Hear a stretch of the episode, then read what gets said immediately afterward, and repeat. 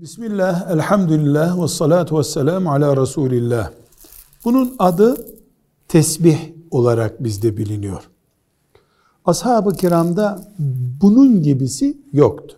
Bunu çağrıştıracak işler yaptılar. Şu Subhanallah, Elhamdülillah, Allahu Ekber dememizi sayısal olarak kontrol etmek için kullandığımız bir alettir.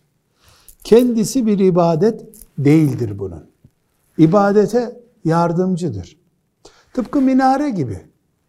Minarenin kendisi bir ibadet değil. İbadet olan ezanımıza yardım ettiği için minare bir semboldür. Değerlidir. Özelliği Müslümancadır.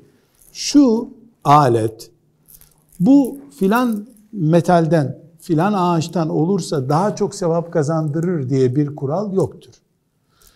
Bunu hiç kullanmadan da Subhanallah, Subhanallah diyebilir mümin.